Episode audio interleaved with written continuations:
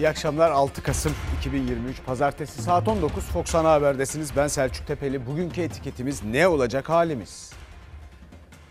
Sebebini herhalde biliyorsunuz. Bugünkü ülkede en tepeden yapılan açıklamalardan biri bununla ilgiliydi. Ve hepimizi düşünmeye sevk etti. Biz de düşündük, taşındık. Bunu etiket yapalım dedik. Mesajlarınız da geliyor. Paylaşacağım. E, fakat ilk haberimizle devam edelim şimdi. İsrail'in Gazze'de soykırıma dönüşen saldırıları bir ayı geride bıraktı. Can kaybı 10 bini aştı. Çoğu çocuk, kadın. E, bu arada İsrail ateşkesi kabul etmedi. Ankara'da Amerika Birleşik Devletleri Dışişleri Bakanı Blinken'ı ağırladı. Efendim Gazze'de katliam sürerken Blinken geldi ve gitti.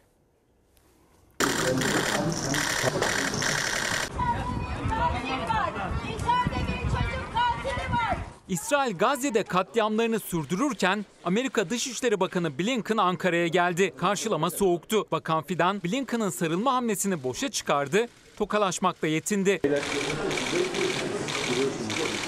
İsrail Gazze'ye 31 gündür aralıksız bomba ve füze yağdırıyor. Bir ayda 4104'ü çocuk, 10.022 kişiyi katletti. Son 24 saatte vurulan yerlerden biri Bureiç mülteci kampıydı. Yardıma gidenler arasındaki bir Filistinli kaldırımda el ele yürüyen iki çocuğa yöneldi. 15 kişinin hayatını kaybettiği bombardımandan kurtulmuşlardı. Gazze'li çocuk annesini ve erkek kardeşini aradığını söyledi. O anda küçük kardeşini yolun karşısında gördü. طيب انت ايش أخويا أبو نصر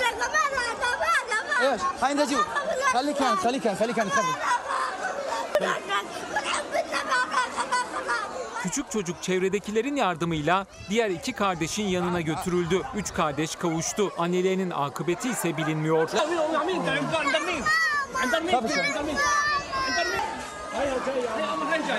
İsrail katliamlarının en büyük destekçisi Amerika'nın Dışişleri Bakanı Blinken, savaşın birinci ayı biterken Türkiye'ye geldi. Havaalanında Ankara Vali Yardımcısı Namık Kemal Nazlı tarafından karşılandı. Kritik görüşme Dışişleri Bakanlığı'nda yapıldı. Görüşme öncesi Hakan Fidan'ın odasından fotoğraf paylaşıldı. Fidan'ın masasındaki ay yıldız içinde Mescid-i Aksa figürü dikkat çekti. Ankara bu fotoğrafla Amerika ve İsrail'e mesaj verdi. Görüşme sürerken dışarıda protestolar vardı. Çocuk katili Blinken sloganı atan bir kadın gözaltına alındı. Killer Blinken katil Blinken çocuklar öldürülüyor. Neyin pazarlığı? Çocuk katillerini Türkiye'de istemiyoruz. Dışişleri Bakan Fidan'la Blinken iki buçuk saate aşkın görüştü. Çıkışta açıklama yapılmadı. Diplomatik kaynaklar Amerika'dan Gazze'de derhal ateşkes istendiğini söyledi. Ankara ve Washington'ın sivillerin zarar görmemesi ve iki devletli çözümde mutabık kaldığını belirtti.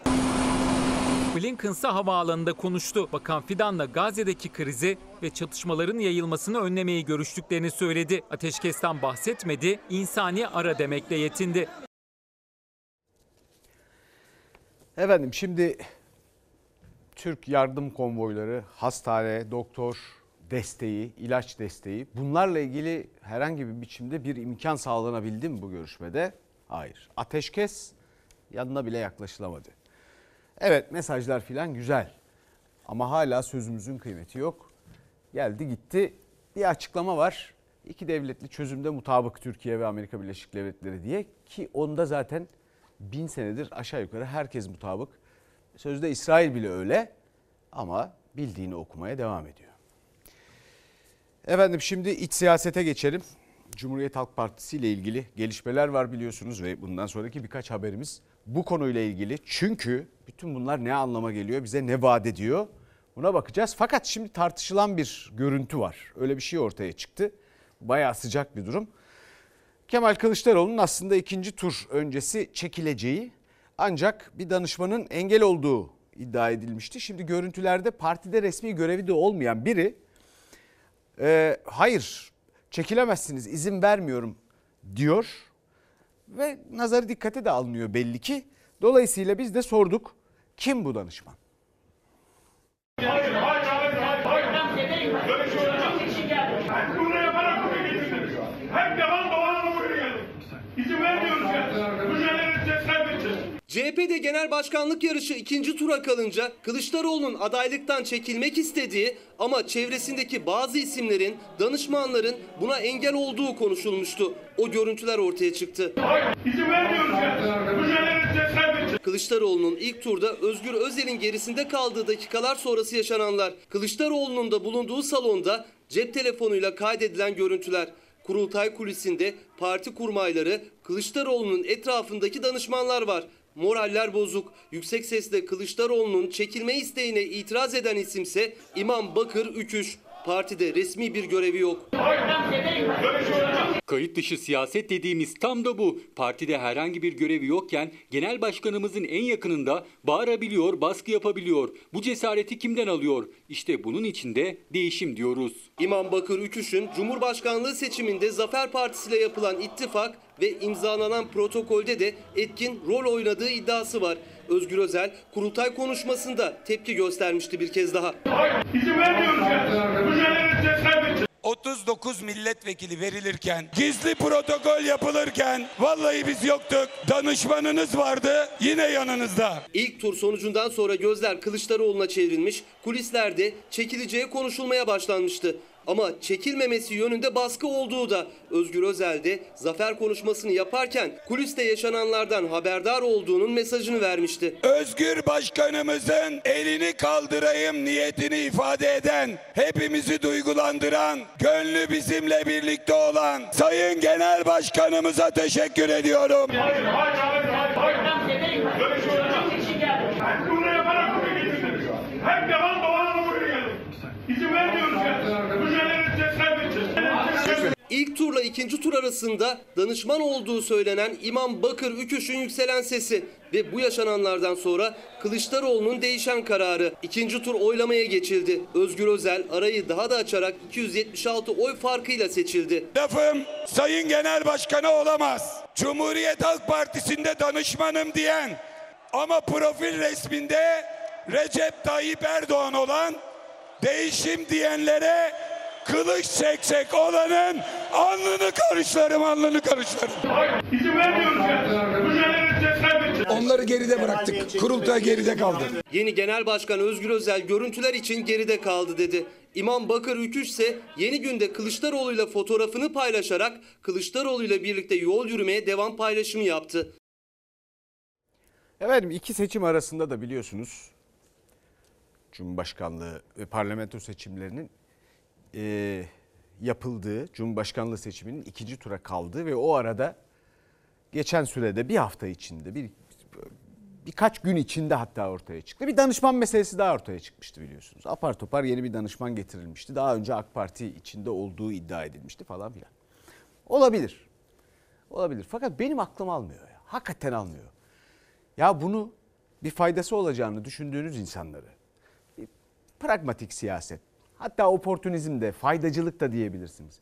Ama bunu daha evvel akıl etmek, analiz etmek gerekmez mi? İki seçim arasında gündeme gelmesi ne kadar tuhaf. O zaman da bunu söylemiştim. Kimin olduğu önemli değil, nasıl olduğu önemli. Şimdi burada da bu türden danışmanlar, akıl daneler akıl alacak gibi değil. Ve buradaki en önemli sorun bu da değil. Benim kanaatimce. Kemal Kılıçdaroğlu'nun katılmakta ikinci tura ikna olup belli ki ikinci tura katılmakta ısrar edip oyunu kullanıp seçimin sandığın sonucunu beklemeden kendisini sabaha kadar bir bekleyen orada oy veren ya da vermeyen insanlara arkasını dönüp oradan ayrılması. Sonuçtan önce. Bunun üstüne daha konuşacağız. Bu çok acayip. Evet bakalım şimdi CHP'de e, genel başkan değişiminden sonra partinin en yüksek karar alma organı parti meclisi de belirlendi. E, yeni yüzler, yeni isimler. Sayın Genel Başkanımız kurultayda partimizi güvenli bir limana ulaştıracağım demişti. Tam da öyle oldu. CHP'de en yüksek karar alma organı parti meclisi belli olduktan sonra Genel Başkan Özgür Özel'in ilk mesajı. Genel Başkan değişimiyle partinin vitrininde de artık yeni yüzler, yeni isimler var. Özel'e karşı liste çıkartan Oğuz Kağan Salıcı parti meclisine giremedi. Değişim için yapılan Zoom toplantılarındaki isimler de listede yok. Bizim parti meclisi listelerimizde bilim yönetim kültür platformunda boş neresi varsa Özgür Özel değişimi parti gençleşecek, yenilenecek diye açıklamıştı. Değişim için yol yürüdüğü isimler de Özgür Özel'in elini rahatlatmak için PM'de yer almakta ısrarcı olmadı. 60 kişilik parti meclisinde 51 isim Özgür Özel'in listesinden oluştu. 9 fire verildi. Oğuz Kağan Salıcı'nın listesinde bulunan Aylin Nazlı Aka kadın kotasından PM'ye girdi. Özgür Özel'in listesinde yer alan CHP Diyarbakır Milletvekili Sezgin Tanrıkulu da PM dışında kaldı. Buradan birleşerek, bütünleşerek ve daha güçlü çıktı CHP. Umarım CHP'deki bu değişim Türkiye'ye de kısa süre içerisinde olumlu yansıyacaktır. Yeni parti meclisinde 19 kadın üye var. Özel'in kurmay ekibi de yeni parti meclisinden seçilecek.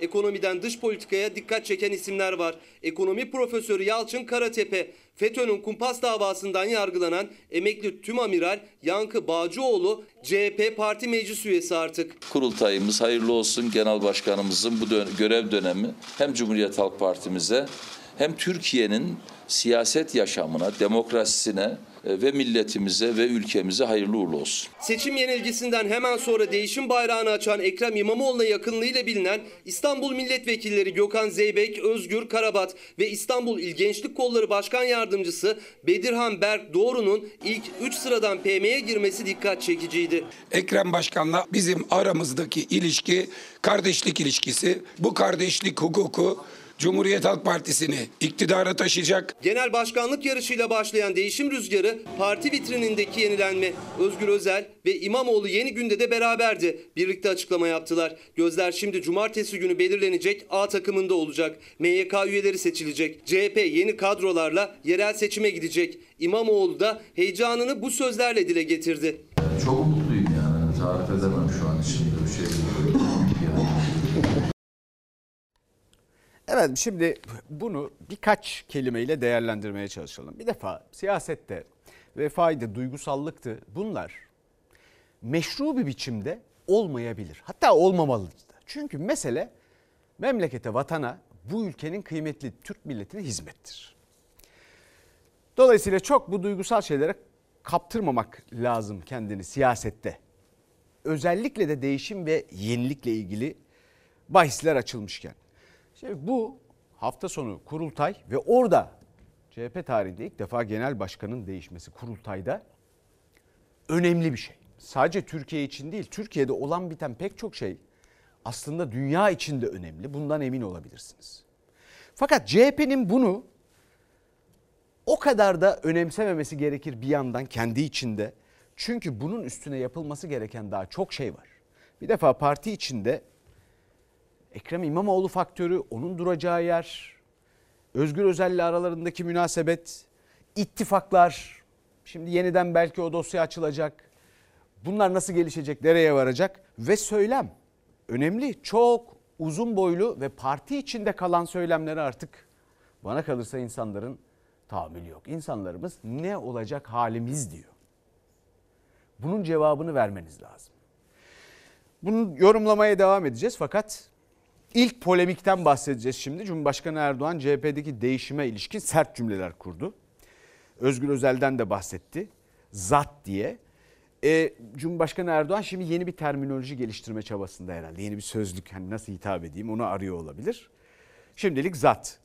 E, bir bakalım ilk polemik nasıl olmuş? Ayağa kalkın ve partiyi ayağa kaldırın. Kongreyi kazanan zat o da aynen Selahattin Demirtaş'a selam verdi. Kavala'ya selam verdi. Al birini vur diğerine. Erdoğan'ın stresini, içindeki karabasanı anlıyorum. Cumhuriyet Halk Partisi'nden endişe etmeye devam etsin. CHP'nin yeni genel başkanı Özgür Özel ve Cumhurbaşkanı Erdoğan arasındaki ilk polemik. Erdoğan'a yeni başkan Özel'den jet hızıyla yanıt geldi. Erdoğan bundan sonra geçen her günün kendisi açısından daha zor, bizim açımızdan daha moralli olacağını biliyor. Bunların birbirinden farkı var mı? Yok.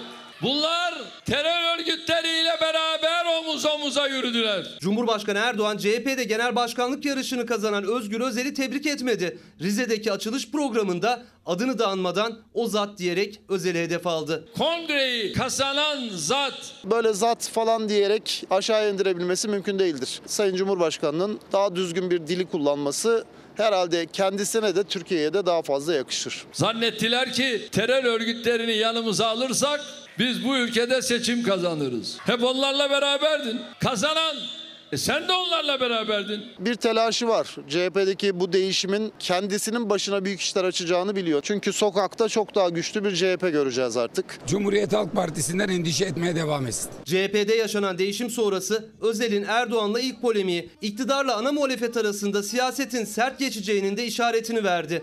Özgür Özel iktidara dönük ilk mesajlarını da mazbatasını aldıktan sonra 14 Kasım'da yapılacak meclisteki ilk grup toplantısında verecek. Evet dünyada sadece Türkiye'de değil dünyada siyasetin en önemli meselelerinden bir tanesi siyasetin aygıtları araçlarından mesela siyasi partilerin veya siyaset mekanizmasının aslında kıpırdayamayacak kadar ağırlaşmış olması. Pek çok teamül, bir yığın arşiv, efendim tecrübe, e, borçlu hissetmeler şunlar bunlar. Ve daha da önemlisi e, bir kısmı görüyorsunuz partide kayıtlı bile değil. Siyasetin profesyoneli haline gelmiş bir yığın insan. Başka iş yapmıyorlar. Kimisi danışman, kimisi şu meclis üyesi, kimisi bu, kim, bilmem ne.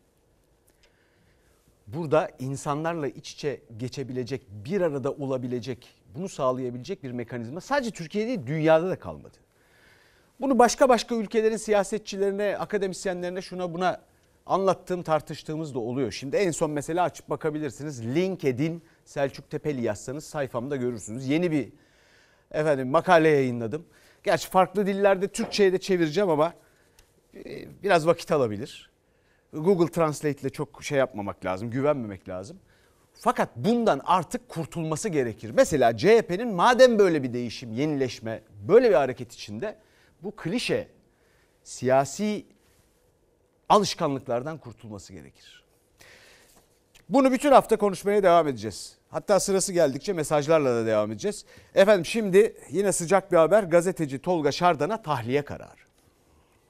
Biz gazeteciyiz. Sonuç itibariyle gazetecilik yapıyoruz. O kadar. Halkı yanıltıcı bilgiyi alenen yayma suçlamasıyla tutuklanan Tolga Şardan'ın tutukluluğuna yapılan itirazı görüşen mahkeme heyeti Şardan'ın tahliyesine karar verdi. tamamen doğru olan bir yazı nedeniyle ki yanlış olsa ne olur? Hani gazeteci tutuklamaya bir delil oluşturabilir mi? Gazeteci Tolga Şardan, MIT'in Cumhurbaşkanı Erdoğan'a yargıda yolsuzluk iddiaları konusunda tespitler içeren bir rapor verdiğini yazdı. Sonrasında İstanbul Cumhuriyet Başsavcılığı soruşturma başlattı, tutuklandı. Şardan'ın evinde arama yapıldı. Telefon ve bilgisayarındaki bilgilere imaj kopyası alınmadan el konuldu. Hem tutuklamaya hem de aramaya, el koymaya tepkiler yükselmişti. Eğer bu tehlikeli gidiş devam ederse bugün Tolga Şardan'dı, yarın Mehmet'tiv, Ali'div gazetecilerin daha fazla baskı ve tutuklanmalarla karşı karşıya kalacağını göreceğiz. İşlendiği iddia edilen suçun önemli ve ciddi sayılan katalog suçlardan olması nedeniyle tutuklama nedeninin kanun gereğince varsayıldığı,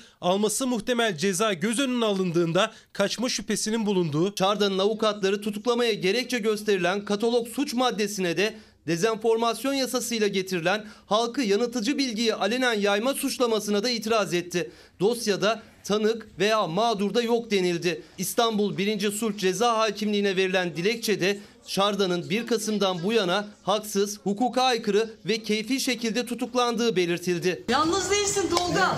Tolga yanındayız. Tolga abi yalnız değilsin. Yalnız değilsin. Tutuklamaya yapılan itiraz sonrası Silivri cezaevinde bulunan gazeteci Şardan yurt dışına çıkış yasağı ve adli kontrol şartıyla tahliye edildi. Şardan'ın tutuklanmasına gerekçe sansür yasası ise bir kez daha tartışmalarla gündeme gelmişti. Maddenin iptali için yapılan başvuruyu Anayasa Mahkemesi de 8 Kasım'da görüşecek. Evet bir kıymetli izleyicimiz iktidar Dolmabahçe'yi Oslo'yu yurtmuş ne kibir ya Rab o zat diyor adı var Özgür Özel İstanbul Belediye Başkanımız Ekrem İmamoğlu efendim biraz nezaket lütfen demiş e, bir kıymetli izleyicimiz. Nezaketin ötesinde Cumhuriyet Halk Partisi'nde hafta sonu yaşanan bu devir teslim ve kurultayla gerçekleşen bu yeni seçim ve yeni Cumhuriyet Halk Partisi Genel Başkanı bunun seçilebilmesi bakın sadece Türkiye için değil dünya için bile önemli bir şey diyorum. Önemli bir adım diyorum. Yani baştan bu türden bir yaklaşımla nasıl söyleyeyim ön yargılı davranmak yerine AK Parti'nin iktidarın biraz dikkatle incelemesinde fayda var. Bunu açacağız bütün hafta dediğim gibi. Ama alışkanlıklar klişeler işte. Hafife alıyorlar. Efendim emeklilerimize 5 bin lira ikramiye ödemeleri başlıyor yarın. Çalışmayan emeklilerimize tek seferlik 5 bin lira ikramiye veriyoruz. Kabul ederlerse bütün emekliler bir olup götürüp meclise verelim. Türkiye'nin bütçesi kurtulacaksa vallahi vereceğim ben 5 bin lira. Ya 5 bin lira sus payı ya başka bir şey değil ki ya. Sadece çalışmayan emeklilere tek seferlik verilecek 5 bin liralık ikramiyelerin ödemesi başlıyor. 15 Kasım'a kadar tüm emekliler ikramiyelerini almış olacak dedi Çalışma Bakanı Vedat Işıkhan. Plan Bütçe Komisyonu'ndaki sunumundan sonra kurduğu cümleler emeklileri konuşturdu. Emeklilerimizin artık kahve köşelerinde ya da başka yerlerde zaman geçirmesi bir sosyal politika hocası olarak kabul etmediğim bir şey. Simite düştük yani. Burada oturuyor böyle zaman geçiriyoruz. Pahalı geliyor kahveye. Bir, bir çay 15 lira olmuş ya 20 lira olmuş yani. Çalışma Bakanı emeklilerin kahve köşesinde olmasını kabul etmiyoruz dedi ama emeklilerin birçoğu kahveye bile gidemiyor. Gün boyu belediyenin parklarında ücretsiz banklarda oturarak vakit geçiriyorlar. Banklarda oturanların hepsi emekli. Hiçbir tanesi 8 aydır tavuk döner ekmek bile yiyemedi. Emekliye Temmuz ayında %25 zam verildi. Ancak kök maaşı nedeniyle milyonlarca emekli tek kuruş zam alamadı. Hükümetten iyileştirme beklerken sadece çalışmayan emeklilere bir defaya mahsus olmak üzere 5 bin lira ikramiye verileceği açıklandı. Bakan da bir kez daha emeklileri refaha ortak edeceğiz dedi. İnşallah emeklilerimizin yüzünü daha da güldürecek yeni adımlarla tüm vatandaşlarımızı bu refaha ortak edeceğiz. Yeri zaten hazır yani götüreceğiz ona vereceğiz. Motorlu taşıtlar vergisi ödeyeceğiz. 1500-2000 de oraya gitti işte bir şey yok. Bizde dalga geçiyorlar yani. Yapacak bir sürü dert var. Kime vereceğiz, nasıl vereceğiz? Yani 5 bin lira vermesi ondan daha iyiydi yani. Çalışmayan emeklilerin hesabına 5 bin liralık ikramiye kademeli olarak 15 Kasım'a kadar yatacak. Çalışan emekli ise alamıyor ikramiyeyi. Ben depremizadayım. Hatay'dan geldim. Dükkanım iş yerim yıkıldı. Bariye kaydım olduğu için 5 bin liradan ben yararlanamıyorum. Ben alamıyorum ben çalıştığım için. Gerçi versen olacak sakız parası. Ne işe yarayacak ki 5 bin lira? Her aya 5 bin lira verse yine yaramaz. İkramiye alamayan emekliler tepkili. Bakanın emekliler için kahvehane köşelerinde zaman geçirmelerini kabul etmiyorum sözlerine de emekliler kahvehaneye de gidemiyoruz, çay da içemiyoruz diye ses yükseltti. Kahveye emeklinin gideceğini zannetmiyorum. Bak buradakilerin hepsi emekli. Sabahleyin geliyor uyukluyor uyukluyor burada oturuyor akşam da gidiyor. İki tane çay içsem 15 lira. Benim bir zevkim vardı kahveye gitmek ondan da oldu Allah'a şükür. Evet çok acayip. Çalışma Bakanı Vedat Işıkhan bir açıklama yapmış. Şimdi 5 bin lira veriyorlar ya. Onu da sanki ceplerinden veriyorlar. Emekliler hayatları boyunca prim ödediler kardeşim. Onları siz kullandınız bile. Bu memleket insanı vergi ödüyor. Ama verdiler ya. Dolayısıyla şimdi geldi akıl verme sırası. Daha parayı da vermediler de neyse akıl veriyorlar. Neymiş efendim? Vedat Işıkhan Çalışma Bakanı diyor ki kahve köşelerinde emeklilerimiz oturmasın diyor. Oradan kurtaracağız onları falan filan. Ya otobüse binemiyor bu insanlar artık. Farkında mısınız? Bitti o halk otobüsleri işte ücretsiz binme filan. Siz yaptınız bunları. Bir de sosyal hayata katacaklar filan. Onların sosyal hayatı iyidir siz merak etmeyin. Bu sizin yönlendirmenizle olabilecek bir şey değil. Böyle 5 bin lira verdiniz diye hemen akıl vermeye de emekliye başlamayın. Bu insanlar nasıl geçiniyor bir düşünün. Bir defa önce alım gücünü arttırın bırakın onlar nereye nasıl katılacaklarsa katılsınlar ya. Efendim devam edelim. Tabii orada başka yerde de çok akıl verdikleri konular var ya mesela tarım, tarım kredi kooperatifleri filan hakikaten bu hükümetin gerçekten anlamadığı konulardan bir tanesi varsa birçok şeyden anlamıyorlar da. Tarım inanılmaz yani. Tarım kredi kooperatifi bir indirim vaat edilmişti. Vaat edilen indirim gerçekleşen zam. Fiyatlar vallahi durduğu yerde durmuyor. Her geldiğimde fiyatlar değişiyor. Bunu 42 lira alıyorum 49 lira olmuş. Nedir o? Bu yoğurt mesela. Ne zaman almıştınız? 4-5 gün önce. Bir gün önce aldım tereyağını. Geldim fiyatlar artmış. Peyniri aldım geldim tekrar gene artmış. Hani indirim? Yani hiçbir indirim indirim yok. İşletmelerimizi yapacakları indirimlerle, enflasyonla ve hayat pahalılığıyla mücadelemize destek vermeye davet ediyorum. Eğer ki devlet bunu söylüyorsa denetlemesini de bir zahmet yapsın da insanlar biraz nefes alsın yani gerçekten boğuluyoruz. Cumhurbaşkanı Erdoğan'ın çağrısının ardından Tarım Kredi Kooperatif marketlerinde 16 Ekim'de temel gıda ürünlerinde %50 indirim yapılacağı duyurulmuştu. Vaat edilen o indirim yapılmadığı gibi %10'un üstünde zam geldi fiyatlara. Zeytinyağı 309 liraydı 350 liraya çıktı. Beyaz peynir 114 liradan 127 lira 50 kuruşa, un 69 lira 90 kuruştan 73 lira 90 kuruşa, süt ise 20 lira 90 kuruştan 23 lira 50 kuruşa yükseldi. Gerçekten yani reklamını yapıyorlar ama boşu boşuna yapıyorlar. Geçen peynir 99 liraydı şimdi 129 lira yazıyor üzerine. Aynı gram aynı peynir. 40'tan 50'ye çıkmış fasulye. İndirim diye bir şey var mı Türkiye'de?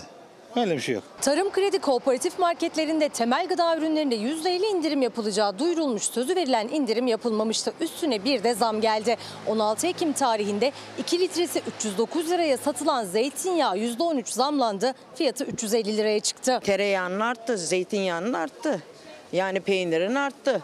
Yani alamayacak duruma getiriyorlar insanları.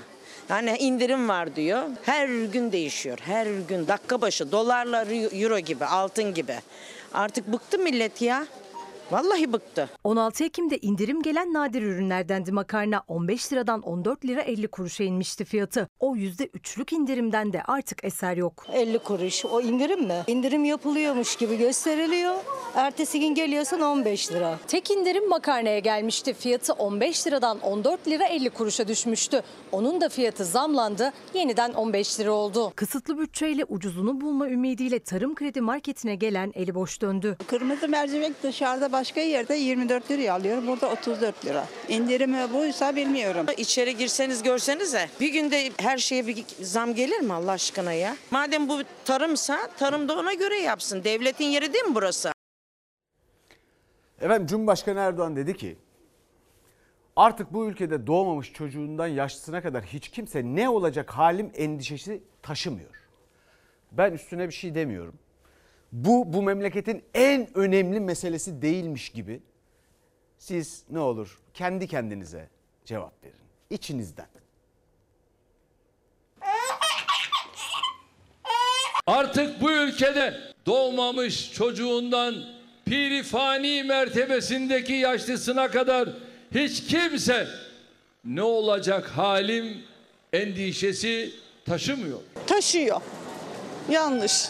Herkes taşıyor bence. Hele çocuklar özellikle daha fazla taşıyor diye düşünüyorum. Bütün gençlerin dilinde halimiz ne olacak diye herkes düşünüyor açıkçası. Cumhurbaşkanı Erdoğan hiç kimse ne olacak halim endişesi taşımıyor dedi ama o endişeyi taşımayan yok. Özellikle de ekonomik olarak herkes borçlu, devlet de borçlu. Türkiye'de her bebek 45.528 lira borçla doğuyor. Eksiden başlıyorlar yani değil mi? Yani benim, benim bu çocuğum doğdu mesela eksiden eksi 45 binden başlamasının bir mantığı var mı yani sonuçta? Kamunun hem iç borçları hem dış borçları toplam 6 trilyon lirayı aşmış durumda. 2.28 trilyon lira varlığı var. Yani bütün varlıklarını elden çıkarsa kamu 3.88 trilyon lira kadar borcu kalıyor. Şimdi bu borç hepimizin borcu. Yeni doğan bebek de bu borç yüküyle başlıyor hayata. Kamunun yaklaşık 4 trilyon liralık borcu nüfusa bölündüğünde kişi başına 45.528 lira borç düşüyor. Bu geçen senenin neredeyse iki katı. 2022 yılında bu tutar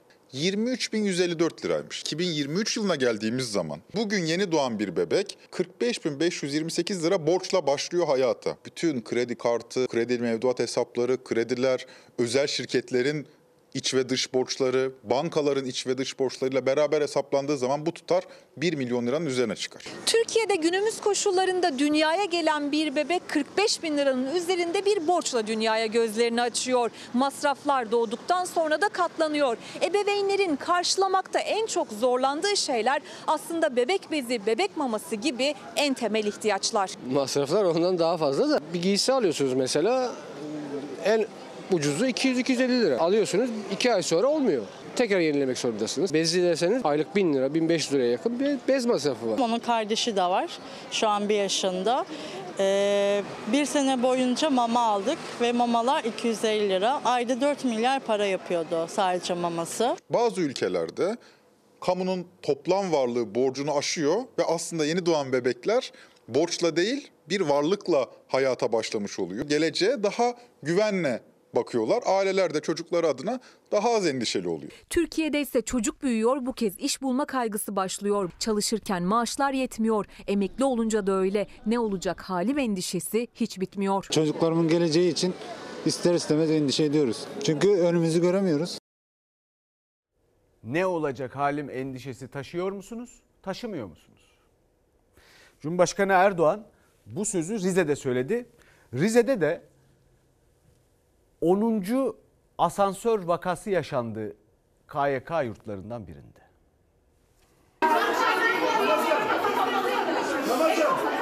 Bu katillik bu kabul edilemez bir şey. Bu kaçıncısı oldu gerçekten kaç kez söyledik. Kapılar kapanmıyor açık duruyor böyle yarısı.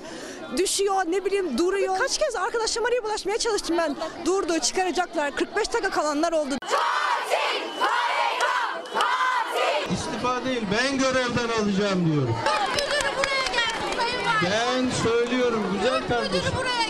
Sorumlu yurt müdürü ise ben yurt müdürünü görevden alacağım diyorum. Büyük tepki karşısında söz verdi vali öğrencilere. Son 10 günde 10 KYK yurdunda asansör kazası yaşandı. Son adres Rize'ydi. Rize valisi İhsan Selim Baydaş'ın çevresini saran üniversiteliler susmadı. Çünkü sustukça sıranın onlara geleceğini gördüler. Yurt müdürü ise henüz görevden alınmadı. İdaremiz çay yapmaktan başka bir şey bilmiyor. Ben korkudan şikayet etmiyorum. Rize Ayder KYK yurdunda asansör sorunu hep vardı öğrencilere göre. 22 yaşındaki Seranur D asansörle 9. kattan zemin kata indi. Adımını koridora attığı anda asansör boşluğa düştü. Kıl payı kurtulan genç kız o an panikle baygınlık geçirdi. Bakın şunu bilin yaralanan herhangi bir arkadaşımız yok. Asansörde kalan arkadaşımız sadece korktuğu için tedbir amaçlı hastaneye getirildi. Bu asansörün içerisinde kimsenin olup olmaması hiç önemli değil. Önemli olan KYK yurdunda ailelerimiz bize buraya güvenmişken burada bir asansörün düşmüş olması. 25 Ekim'de Aydın'daki KYK yurdundaki asansör kazasında Zeren Ertaş'ın ölümü tüm Türkiye yasa boğarken sonrasında 10 günde 10 kaza daha yaşandı. Çorum'da 6 öğrenci mahsur kaldı asansörde. Bartın'da 3. kattan eksi 1. kata düştü yurt asansörü. Giresun'da ise 8. kattan 5. kata. Ordu Fatsa Kız Öğrenci Yurdu'nda da 4 öğrenci mahsur kaldı. Kurtarılır kurtarılmaz zemine çakıldı asansör. Gümüşhane, Konya, Nevşehir, Sivas, Muş ve son olarak Rize. Korkuyor musun? Çakılacağını düşünüyorsun. Ne demek binme ya? Zeren'in ölümü sonrası Sinop'ta eylem yapan öğrencilere o zaman asansöre binmeyin diyen Sinop Yurt Hizmetleri Müdürü belli ki tek değildi. Rize'de de öğrenciler benzer yanıt aldıklarını kaza sonrası olay yerine gelen valiye ve Recep Tayyip Erdoğan Üniversitesi rektörüne iletti. Dediğimizde bize asansöre gitmeyin o zaman. Merdivenlerle çıkın. Dilan Engin Polat soruşturması. Efendim e, ifadeler ortaya çıkıyor. Vergisel bir hata yapmış olabiliriz. Ya bu kadar basit mi? Ben 3 gün ağlarım, 4 gün ağlarım. Hiç bir hafta ağladığımı bilmem. Ben bir yerde ayağa kalkarım. Çünkü ben böyle bir kadınım anladın mı? Gözyaşları içinde girdiği cezaevinde ağlamaya devam etti. Dilan Polat çocuklarını görmek istedi. Fenalaştı, revire kaldırıldı. Geceyi kız kardeşi Sıla Doğu'yla birlikte yeni gelenler koğuşunda 16 kişiyle beraber geçirdi. Kara para aklama ve vergi kaçırmakla suçlanan yaklaşık 350 milyon liralık sahte fatura iddialarının odağındaki Dilan Polat ifadesinde sorumluluğu eşi Engin Polat'a yükledi. Engin Polat ise vergisel hata itirafında bulundu. Fatura kesmeyi bile bilmem. İşimizin ticari boyutuyla eşim ilgileniyor. Ne iş yapıyorsunuz? Vergisel bir hata yanlışlık yapmış olabiliriz. Aldığımız faturalarda sıkıntı çıkmış olabilir. Cezası neyse ödemeye hazırız. Adalete güveniyoruz. Bu yakışmaz bize. Dilan Polat ve eşi Engin Polat'la birlikte tutuklu sayısı 14'e yükseldi. Cezaevine gönderilenler arasında Polat ailesinin mali işler sorumlusu avukat Ahmet Günde var. Soruşturmada yasa dışı bahis trafiğinin Türkiye'deki kesişme noktası Ordu'da gün hakkında yapılan bir ihbarla başladı. Etkin pişmanlıktan faydalanan o ihbarcının Ahmet Gün'ün akrabası olduğu iddia ediliyor. Masak raporuna göre Ahmet Gün'ün tasfiye halindeki şirketlerinden yaklaşık 350 milyon lira sahte faturayla Engin Polat'ın hesabına geçirildi. Bir şey soracağım aşkım ya. Ha. Benim arabamın ücreti ne kadardı fiyatı? Bilmiyorum ki 10, 10 civarıdır. tamam. Satılır. Teşekkürler. bay bay. Tanıştıramıyorum şu an. Dilan Polat ve eşi Engin Polat'a yöneltilen çok sayıda suçlamadan bir tanesi yasa dışı bahisle elde ettikleri suç gelirlerini gayrimenkul ve lüks otomobiller alarak akladıkları yani kara para akladıkları yönündeydi. İşte o suç gelirleriyle alındığı iddia edilen lüks otomobiller bu araçlar önce Vatan Emniyet Müdürlüğü'ne çekilip incelendiler sonrasında da Yeddi Otoparkı'na çekildiler. Hanım efendim bir şey söyleyecek misiniz? Geçmiş olsun tekrar. Masum olduğunuza çok eminim. Marmara cezaevinde evrak eksikliği nedeniyle çocuklarıyla görüşemedi Dilan Polat fenalaştı. Belgeleri tamamlandıktan sonra günde 10 dakika görüntülü olarak Adalet Bakanlığı'nın uygulaması üzerinden görüşebilecek çocuklarıyla. 750 bin lira harcıyorum. Dilan Polat cezaevinde beslenme dahil tüm ihtiyaçları için günde en fazla 214 lira harcayabilecek. El konulan şirketlerine ise kayyum atanacak. Ne kadar çok şeyi merak ediyorsun. Sonuca bakın ya. Bugün var, yarın yok. Sonuca bakın. Efendim karı koca aylık 200 bin lira kadar kazanıyorlarmış. E günde 750 bin lira harcıyorum diyordu. Şimdi bakalım parası olana tatil yaklaşıyor.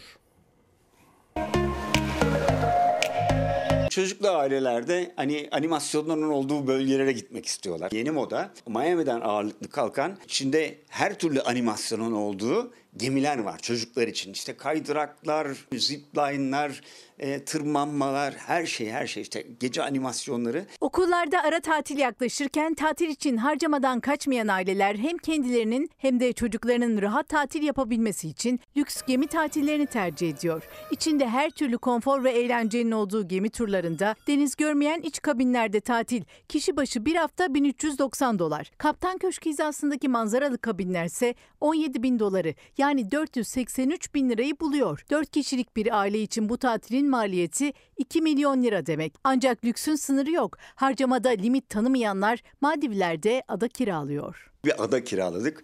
Hakikaten herhalde Türkiye'de çok sağlam bir ev alınırdı ailesiyle beraber. kiraladı. Kaç lira günlüğü? Çok büyük rakam. Küçük bir adayı kiraladı ailesiyle beraber. Öyle iyi bir semtte iyi bir ev parası Yani ödedi. 5-6 milyon herhalde bir haftalık tatil. Çıkalım 10 milyon. gibi. Yani rakamlar e, lükse göre değişiyor. Cuma akşamı okullar ara tatile giriyor. Bütçesini cömertçe kullanarak tatil yapmak isteyenler seçenekleri araştırıyor. Ailesi için geçen yıl ada kiralayan da var ama tatil yaparken eğlenmek isteyenlerin şaşırtıcı yeni bir rotası var. Büyük bir festival var. An itibariyle Suudi Arabistan. Suudi Arabistan turizme açıldı. Her türlü eğlencenin ve içeceğin olduğu bölgeler bu. Çölde safari yapabilirler, deniz kum güneş yapabilirler. Lüks tatilin yeni adreslerinden biri Suudi Arabistan. Ülkede 4 ay sürecek olan festival tatili cazip hale getiriyor. Maldivler eskisi kadar popüler olmasa da burayı da cazip hale getiren bir adanın tek kişi tarafından kiralanabiliyor olması. Maldivler ailesiyle baş başa tatil yapmak isteyenlerin ada kiralayabileceği bir bölge. Ancak lüks tatil için artık Pasifik'teki adalar tercih edilmeye başlandı. Hawaii biraz daha hareketli bir bölge. Amerikalıların çok tercih ettiği bir bölgedir. Bora Bora Maldivlerin Amerika versiyonu. Zanzibar'ın özelliği nedir? Üst seviye, üst segmentteki otellerin çoğunda kendinize ait havuzunuz ve kendinize ait aşçınız var. Egzotik adalarda kişi başı bir haftalık tatil en az 7 bin dolar yani günlüğü 1000 dolardan başlıyor. 4 kişilik ailenin bir hafta tatil için en az 30 bin doları yani 850 bin lirayı gözden çıkarması gerekiyor. Elektrikli mi, benzinli mi? Hangisi karlı? Elektrikli araba özellikle yakıt tüketimi anlamında e, çok çok avantajlı durumda. Gün geçtikçe e, piyasaya çok fazla marka elektrikli araç modellerini e, sokmaya başladı. 2 milyon civarında bir elektrikle bağlıyorsan elektriksiz olsa bir buçuğa falan alırsın. Makas çok değil bence. Gün geçtikçe yollardaki elektrikli araç sayısı artıyor. Sürücüler elektrikli mi, benzinli mi? Hangisi karlı? Onu araştırıyor. Hemen arkamda gördüğünüz elektrikli arabanın fiyatına sahip olan bir e, benzinli arabayı satın aldığınızda 1 kilometrede ortalama 3 TL gibi bir yakıt yakacaktır. Aynı fiyattaki elektrikli arabaya tekabül ettirdiğinizde evinizde şarj ederseniz kilometre başına 50 kuruşluk bir e, ödeme çıkar. AC şarj istasyonunda yaparsanız ortalama 1.10 TL'ye tekabül eder. Hızlı şarj istasyonlarına arabanızı götürdüğünüzde de 1.36 TL'lere tekabül eder. Fiyatı 2 milyon 100 bin lira olan bu elektrikli otomobili evde şarj ederseniz kilometre başına tüketimi sadece 50 kuruş oluyor. Üstelik benzinli bir otomobile göre bakım maliyetleri de yarı yarıya daha az. Benzinli bir araçta ya da dizel bir araçta servis bakımına geldiğinizde ortalama e, ilk bakımında 7-8 bin TL'lik bir rakam ödersiniz. Elektrikli arabayla girdiğinizde takriben karşınıza çıkacak rakam 4 bin 5 bin TL civarındadır maksimum. 2 milyon liralık elektrikli bir otomobil tek şarjda yaklaşık 400 kilometrelik bir menzil sunabiliyor. Bu birçok kullanıcı için haftada bir şarj demek. Evde şarj edilirse 200 lira. AVM veya benzinlikle şarj edilirse de en fazla 550 liraya batarya doldurulabiliyor. Şarj süreleri de her geçen gün kısalıyor. 30 dakikada bile tam şarj artık mümkün. Günlük 20 kilometre git 20 kilometre geli baz aldığınızda 40 kilometrelik bir harcayışınız var. Hadi bunun adına 50 diyelim. 250 kilometre 5 günde harcayacağınız bir mesafedir. E, bu da sadece herhangi bir gün uğrayacağınız bir AVM'de ya da benzinlikte halledebileceğiniz bir süreçtir. Otoparkınızda o sistem varsa akşam geldiniz aracı park ettiniz sabah şarjınız hazır. O zaman bir sorun yaşamazsınız. Ne kadar kötü kullanırsanız kullanın o bataryayı bir elektrikli aracın kapasitesini %100'den ancak %95'lere çekebilirsiniz ki bu da çok uzun seneler sonunda olabilecek şeyler. Batarya ömrü gelişen teknolojiyle birlikte sorun olmaktan çıkıyor. Türkiye'de şarj istasyonu sayısı ise 8000'i geçti. Artan ilgiyle birlikte evlere, sitelere de şarj istasyonu kurulmaya başlandı. Burada hemen gördüğünüz aslında bir ev tipi şarj cihazıdır. Şu kadarlık bir e, ebata sahip olan bir şarj cihazından bahsediyoruz. Efendim bu sefer Cem Garipoğlu'nun babası talep etti oğlumun mezarını açın. Toplumun %98'i Cem'in kaçırıldığını, ölmediğini düşünüyor. E bu kamu vicdanı rahatsızsa adaleti tecelli ettirmek, maddi gerçeği ortaya çıkarmak kimin görevi? Başsavcılık ve yargılama makamlarının. Liseli Münevver Karabulut'u vahşice öldürdü Cem Garipoğlu. Cezaevinde canına kıydığı söylendi, toprağa verildi. Ancak cinayetten sonra da ailesinin yardımıyla kaçan Cem Garipoğlu'nun cezaevinden de kaçırıldığı iddiaları gündemden hiç düşmedi. Münevver Karabulut'un ailesi mezarının açılmasını istedi defalarca reddedildi. Bu kez aynı talep Cem Garipoğlu'nun babasından geldi. Nida Garipoğlu savcılığa DNA testi için başvuruda bulundu. Mezara başka birini koyma ihtimalleri var mı? Bu zaten makul ve meşru soru işaretlerinden bir tanesi bu. Mezar taşında adı yazıyor ama gerçekten de Karacaahmet'teki bu mezarda Münevver Karabulut'un katili Cem Garipoğlu yatıyor mu? İşte bu soru tartışma konusuydu. Bu kez mezarın açılması için istek Cem Garipoğlu'nun babası Nida Garipoğlu'ndan geldi. Nida Garipoğlu oğlunun mezarı için Fethi Kabir istedi. 3 Mart 2009'da henüz 17 yaşındayken Cem Garipoğlu tarafından İstanbul Bahçeşehir'deki villada vahşice öldürüldü Münevver Karabulut. Türkiye bu korkunç cinayetle sarsıldı. Kınalı kuzumu aldılar. Cinayetin ardından kaçtı Cem Garipoğlu. 197 günün sonunda polise teslim oldu, cezaevine girdi. 24 yıl hapse mahkum edilmişken 10 Ekim 2014'te cezaevinde canına kıydı. Şimdi bilemiyorum yani çok karanlık karanlık ilişkiler var yani. Başta acılı baba Süreyya Karabulut'un olmak üzere akıllardaki soru işaretleri hiç dinmedi.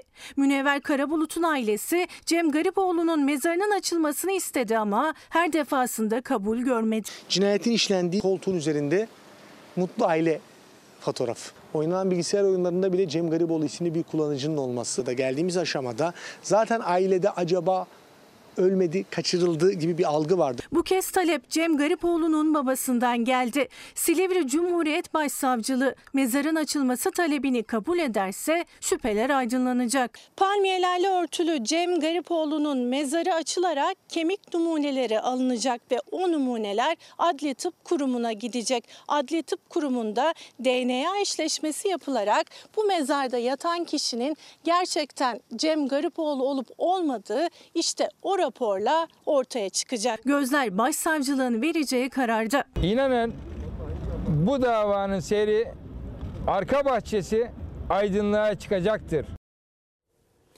Galatasaray ve Fenerbahçe'den Suudi Arabistan kararı. Şimdi biliyorsunuz Süper Kupa Suudi Arabistan'da oynanacak fakat eski adı Cumhurbaşkanlığı olan bu kupanın şimdi 100. yılda Suudi Arabistan'da Riyad'da oynanmasına kulüplerin gönlü el vermiyor. Fenerbahçe Divan Yüksek Divan Kurulu'na bir önerge verildi. Galatasaray Divan Kurulu'ysa Türkiye'de oynansın diye karar aldı. Buna kulak tıkamayın ya. Bakın buna. Efendim bir mutlu haber. Emel Tümen ve e, Fox Haber Merkezi'nden Fox Haber Merkezi Direktörü Kubilay Tümen'e mutluluklar dileriz. Evlendiler. Şimdi bir araya gideceğiz. Ah bunun haberi evet. Tabii düğünden görüntüler. Evlenmeyi kabul ediyor musunuz? Evet. Evlenmeyi kabul ediyor musunuz? Kabul ediyorum. Evet. Mutlulukla, heyecanla bir ömür boyu birlikte olmaya evet dediler. Fox Haber Merkezi Direktörü Kubilay Tümen hayatını Emel Yarışalmi ile birleştirdi. Çiftin nikah şahitleri The Walt Disney Company Türkiye Genel Müdürü Cenk Soner ve Fox Haber Genel Yayın Yönetmeni Doğan Şentürk'tü. Evet. Kubilay Tümen ve Emel Yarışalmi'yi bu mutlu günlerinde Fox Haber ailesi de yalnız bırakmadı. Çiftin İstanbul'daki nikahında aileleri, sevenleri bir aradaydı.